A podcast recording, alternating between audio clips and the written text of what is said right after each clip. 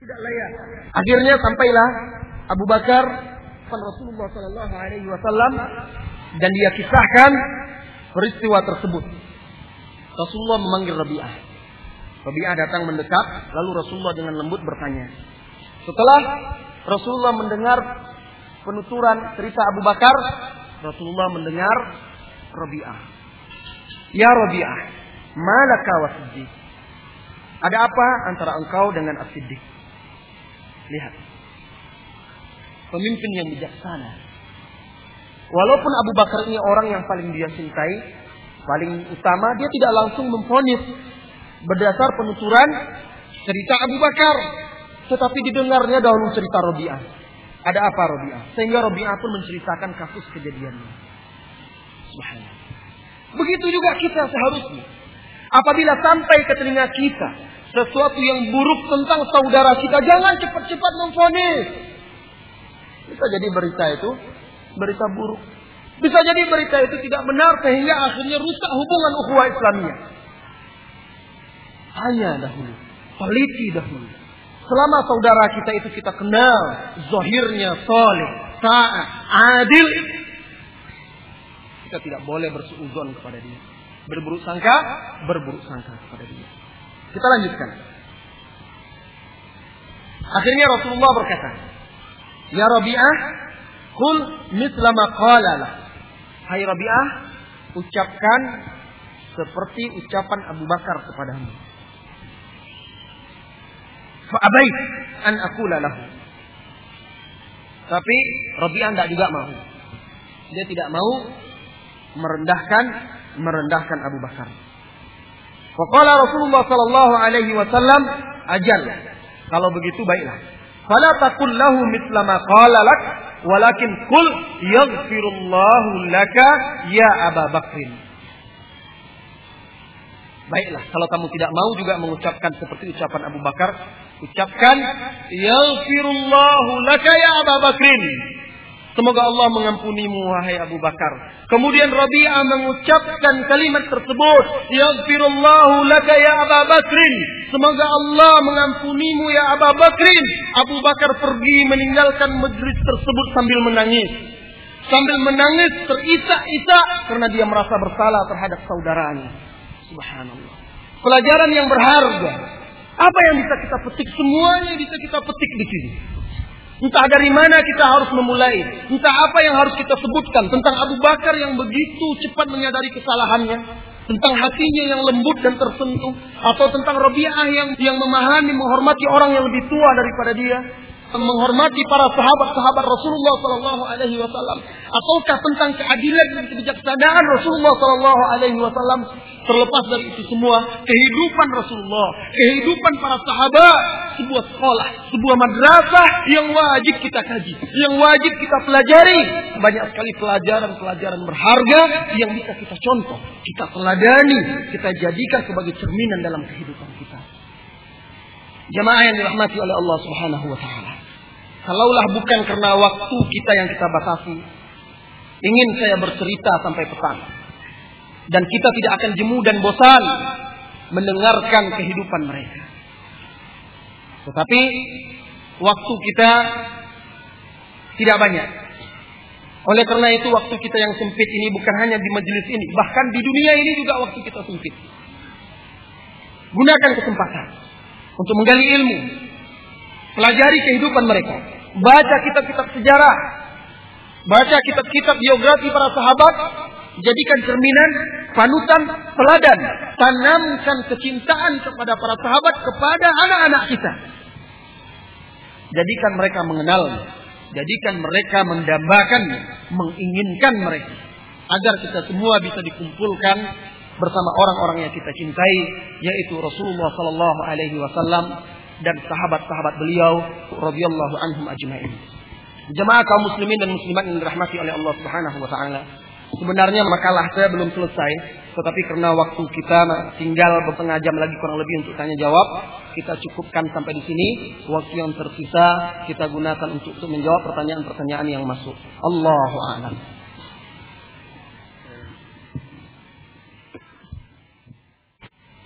Seseorang yang bersama Rasulullah Sallallahu Alaihi Wasallam masuk Islam kemudian murtad dan setelah Rasulullah wafat kemudian masuk Islam lagi dan mati dalam Islam apakah disebut sahabat? Para ulama tidak memasukkannya sebagai sahabat. Salah satu contohnya adalah Sulaiha Al-Asadi. Sulaiha Al-Asadi ini pernah bertemu Rasulullah Sallallahu Alaihi Wasallam bersama rombongan Musailamah Al-Kadzab. Dan waktu itu dia menyatakan keimanannya. Setelah wafat Rasulullah Sallallahu Alaihi Wasallam dia murtad. Sebelum itu dia bergabung dengan Musailamah Al-Kadzab. Tetapi akhirnya dia masuk Islam kembali. Setelah wafat Rasulullah Sallallahu Alaihi Wasallam, setelah peperangan Hadikotul Maut, ladang kematian, di mana di situ ditumpasnya gerakan Nabi palsu Musailamah Al-Kadzab. Jadi dia tidak dianggap lagi, tidak dimasukkan dalam kategori sahabat karena dihitung dari dia masuk masuk Islam yang terakhir. Allahu a'lam. Seorang yang bertemu Rasulullah tetapi masuk Islam setelah Rasulullah meninggal, apakah disebut sahabat juga tidak? Tidak disebut, tidak disebut sahabat. Tadi definisinya kan sudah dijelaskan sahabat Rasulullah Shallallahu Alaihi Wasallam orang yang bertemu dengan Rasulullah dalam keadaan Muslim dan mati di atas itu, di atas keislamannya.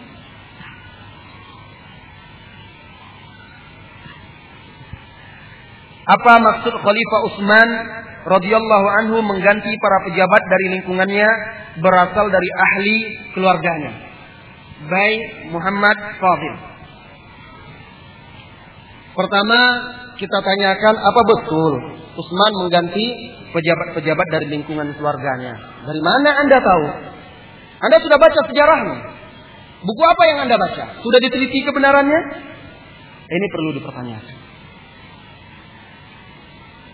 Di zaman ketika Utsman bin Affan menjadi khalifah,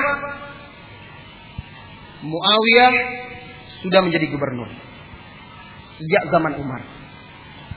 Kemudian juga ada satu orang lagi dari keluarga Bani Umayyah juga sudah menjadi gubernur sebelum itu. Ketika Utsman menjadi khilafah, dia berikan orang itu tetap menjabat karena sudah dipakai sejak zaman Abu Bakar dan juga sebagiannya di zaman Umar. Menunjukkan bahwa mereka adalah orang-orang yang terpercaya. Bahkan setelah diteliti, dihitung, hanya ada sekitar dua atau tiga, paling banyak empat orang dari keluarga Utsman dan itu pun keluarga-keluarga jauh. Itu pun keluarga-keluarga jauh yang menjadi pemimpin.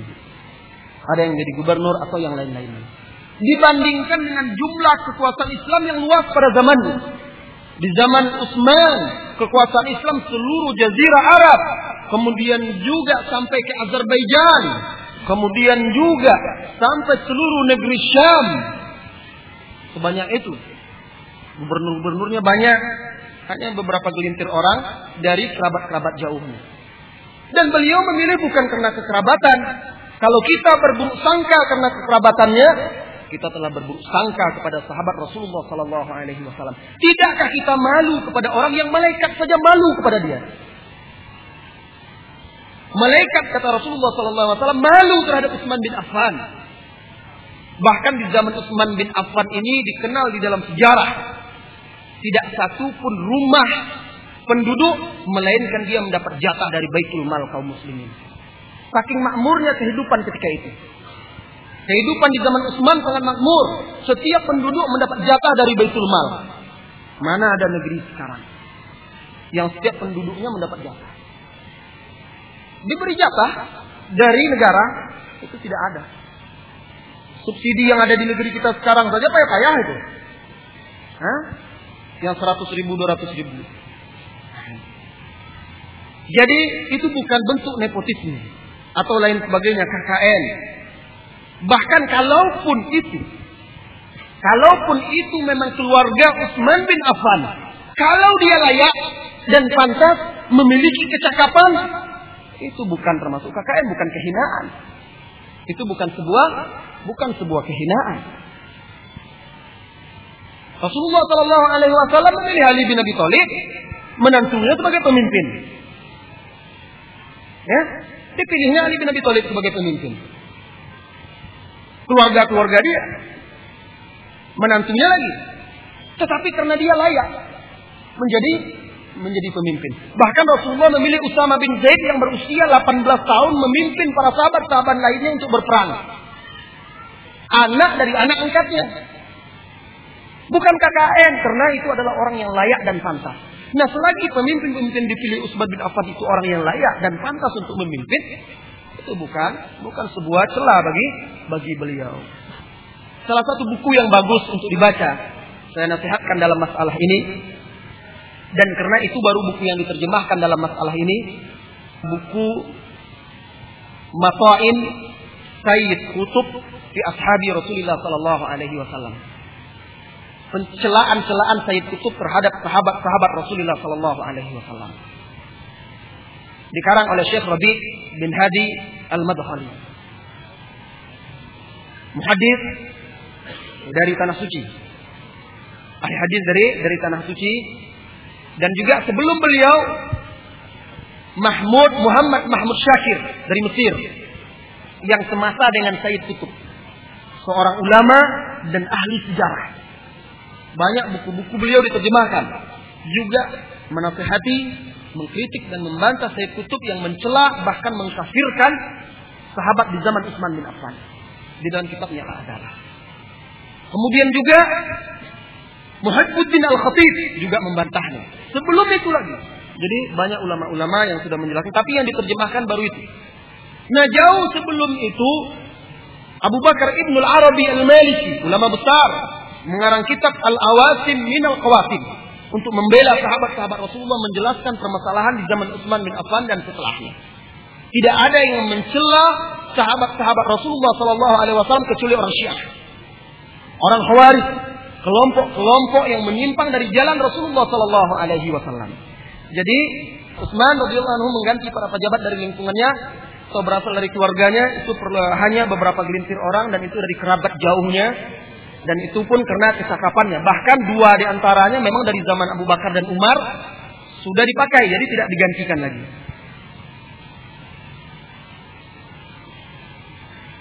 Betulkah Umar bin Khattab di waktu jahiliyah pernah mengubur anak perempuannya? Dan bila teringat di waktu sudah memeluk Islam, Umar sering menangis. Mohon penjelasannya Ustaz. Ya, itu betul. Kisah itu disahihkan oleh para ulama kita.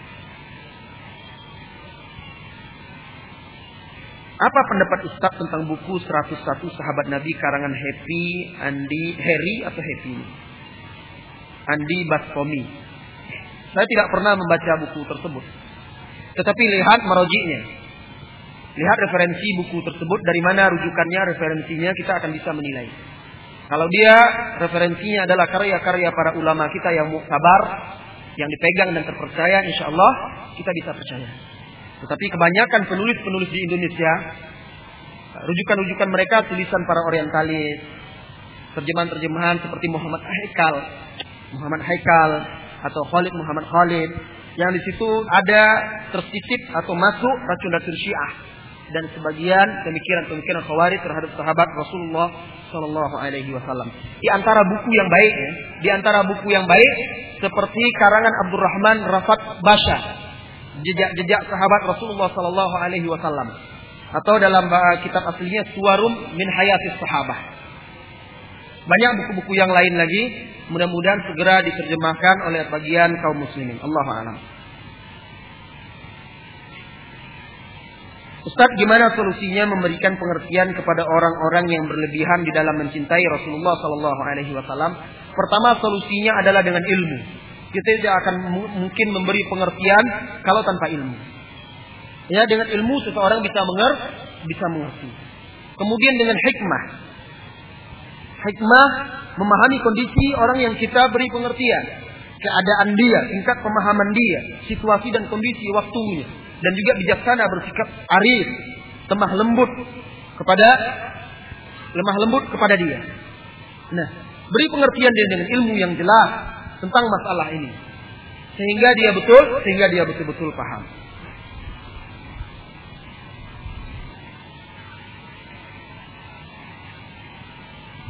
Bolehkah seandainya kalau kita bercanda sahabat-sahabat kita dengan mengibaratkan mereka seolah-olah mereka adalah sahabat Rasulullah dengan harapan mudah-mudahan rasa cinta kepada sahabat semakin terpatri. Gimana menurut Ustaz? Jangan.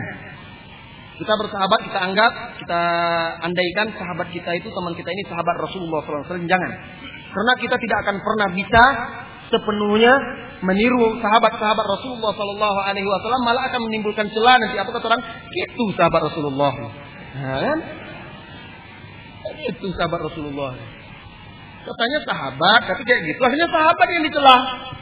Oleh karena itu para ulama Hai akibarin ulama di Arab Saudi, lembaga besar ulama di Arab Saudi dan Timur Tengah, begitu juga lembaga fatwa dan riset di sana, mengadakan muktamar lalu membuat sebuah keputusan sepakat tidak boleh memfilmkan, mentokohkan, menggantikan peran sahabat-sahabat itu dan menggambarkannya. Sahabat-sahabat Rasulullah. Misalnya film sahabat Rasulullah seseorang menjadi sahabat Rasulullah. Karena dia khawatirkan itu akan melecehkan sahabat Rasulullah SAW. Tidak sepenuhnya dia bisa mewakili sahabat Rasulullah SAW. Sahabat Rasulullah jauh lebih agung dan lebih mulia daripada itu. Allah a'lam. Terus, bolehkah kita memberikan nama untuk anak-anak kita sesuai dengan nama salah seorang sahabat Rasulullah? Boleh sekali. Dan kita anjurkan untuk mengenalkan sahabat. Selain itu, ketika anak kita memiliki nama sahabat, lalu kita ceritakan dari kecil siapa namanya ini tokoh seorang sahabat, tumbuh kekaguman. Nama saya Khalid. Khalid itu sahabat, pejuang yang gagah berani. Dia berangan-angan, wah saya ingin seperti Khalid. Nanti dibuat nama nama seperti nama orang-orang kafir atau tokoh pemain bola ini itu. Ya ingin seperti itu pula dia. Siapa nama? Nama ini. Nama pemain bola misalnya kan. Lalu, oh saya ingin seperti itu, ingin seperti pemain bola. Bangga dia. Tapi ketika diberi nama seorang sahabat Rasulullah Sallallahu Alaihi Wasallam, dia merasa bangga dengan perjuangan-perjuangan sahabat. Kita harapkan masyarakat semakin mengenal dan anak kita bisa tertanam cinta kepada sahabat sahabat Rasulullah Sallallahu Alaihi Wasallam. Gimana? Apa tindakan kita kalau seandainya ada orang yang mencela, menjelekkan sahabat-sahabat Rasulullah di depan kita? Atau tanpa sengaja terdengar oleh kita? Bagaimana kalau seandainya ayah ibu kita dicela dihina? Bagaimana seandainya istri kita dicela? Suami kita dicela, anak kita dicela, saudara-saudara kita, orang-orang yang sangat kita cintai, kita hormati, kita hargai dicela dan dihina. Kita pasti akan membela. Kuping kita akan panas. Mungkin kita tidak sabar, bisa jadi kita sudah mencengkram leher baju. Harus ada loyalitas kita. Pembelaan kita terhadap sahabat-sahabat Rasulullah Sallallahu Alaihi Wasallam. Kita tidak mengharapkan orang harus mengangkat senjata pula untuk itu tidak. Kita tidak mengharuskan main pukul pula tidak, tetapi tunjukkan pembelaan kita. Nasihati orang itu. Nasihati dia dengan baik. Tunjukkan dia jalan yang benar. Arahkan saudara-saudara kita yang keliru tadi mencela sahabat Rasulullah tadi. Tunjukkan pembelaan kita kepada sahabat Rasulullah Sallallahu Alaihi Alaihi Wasallam. Bagaimana tips menumbuhkan rasa cinta kepada sahabat Rasulullah Sallallahu Alaihi Wasallam? Salah satunya yaitu dengan lebih banyak membaca kehidupannya. Semakin banyak kita mengenalnya, semakin tumbuh rasa cinta kita kepada mereka. Ustadz bagaimana dengan Sa'labah yang kata sebagian Ustadz mengatakan bahwa tadinya dia miskin dan setelah kaya dia lupa diri. Ini adalah kisah palsu yang banyak dibacakan oleh khotib-khotib. Ya, kisah palsu. Sa'labah, ya. Sa'labah ini adalah sahabat yang hadir di perang Badar, ikut serta perang Badar. Sahabat-sahabat perang Badar sudah terjamin dari sifat-sifat nifak. Tidak ada seorang dari mereka pun dalam sejarah yang jatuh kepada sifat nifak. Kisah Sa'labah yang sebelumnya miskin doakan oleh Rasulullah kaya, kemudian setelah itu dia lupa diri tidak hadir sholat, sholat Jumat itu adalah kisah palsu. Sudah dibahas dan dikaji oleh ulama-ulama ahli hadis dari dulu sampai sekarang. Sudah dibahas. Di dalam kitab silsilah Al-Hadis Ad-Dhaifah di antaranya Syekh Al-Albani menukilkan pendapat-pendapat ulama ahli hadis dalam dalam masalah ini. Apakah dia termasuk sahabat Nabi? Jelas sekali. Kalau iya apa dasarnya dan kalau tidak juga apa dasarnya? Dasarnya dia hadir perang Badar. Kalau tidak, tidak ada. Apa orang yang memperebutkan ludah sisa air wudhu Rasulullah bukan termasuk perbuatan berlebihan gulu. bukan perbuatan berlebihan karena itu khusus bagi Rasulullah sallallahu alaihi wasallam. Karena Rasulullah sallallahu alaihi wasallam seluruh diri dia adalah mukjizat. Seluruh diri dia bahkan dia itu adalah mukjizat yang diberikan oleh Allah. Di dalam kisah Salama bin Aqwa itu mereka kekurangan air lalu Rasulullah datang ke sumur diludahkannya dan berdoa diludahkannya mengalir air. Ali bin Abi Thalib Ali bin Abi Thalib dalam perang Khaybar matanya sakit sehingga dia tidak bisa melihat dipanggil oleh Rasulullah kemudian diludahkan dan didoakan sembuh dia. Ya, ini khusus bagi bagi Rasulullah Sallallahu Alaihi Wasallam. Oleh karena itu tidak berlaku bagi orang-orang selain Rasulullah Sallallahu Alaihi Wasallam karena tidak ada sahabat melakukannya terhadap sahabat yang lainnya. Mereka tidak ada ngalap berkah dari Abu Bakar. Mereka tidak ada ngalap berkah dari Umar. Tidak ada ngalap berkah dari Utsman dan sahabat-sahabat utama yang lainnya. Apalagi kalau hanya sekedar kiai-kiai. Aneh. Di sebagian tempat rokok kiai pun diperebutkan. Iya. Saya saksikan di Jawa itu sudah merokok kiai itu dilempar berebut muridnya nanti. Puntung rokoknya. Merebut, berebut. Beda Rasulullah sudah dijamin Keringat Rasulullah itu lebih wangi dari kesturi. Keringat Rasulullah dikumpulkan oleh salah seorang sahabat wanita dijadikan parfum. Lebih wangi dari kesturi. Ini khusus bagi Rasulullah sallallahu alaihi wasallam. Adapun pendapat sebagian ulama yang mengkiaskannya menganalogikannya dengan orang-orang lain seperti Imam Nawawi dalam kitab Syarah Sahih Muslim. Nah, ini tidak ada dasarnya sama sekali dan termasuk salah satu pendapat yang lemah dikritik oleh ulama-ulama lainnya. Allahu a'lam.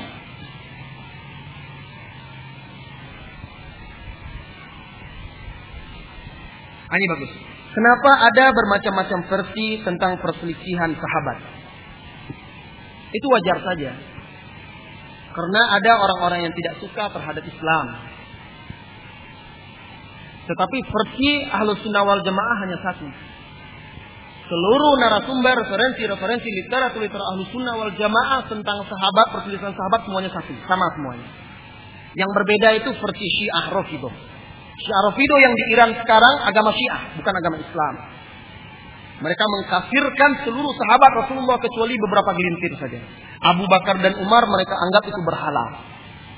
Bahkan mereka merayakan kematian Umar yang dibunuh oleh orang-orang mereka Abu Lu'lu al-Majusi. Orang-orang Khawarij.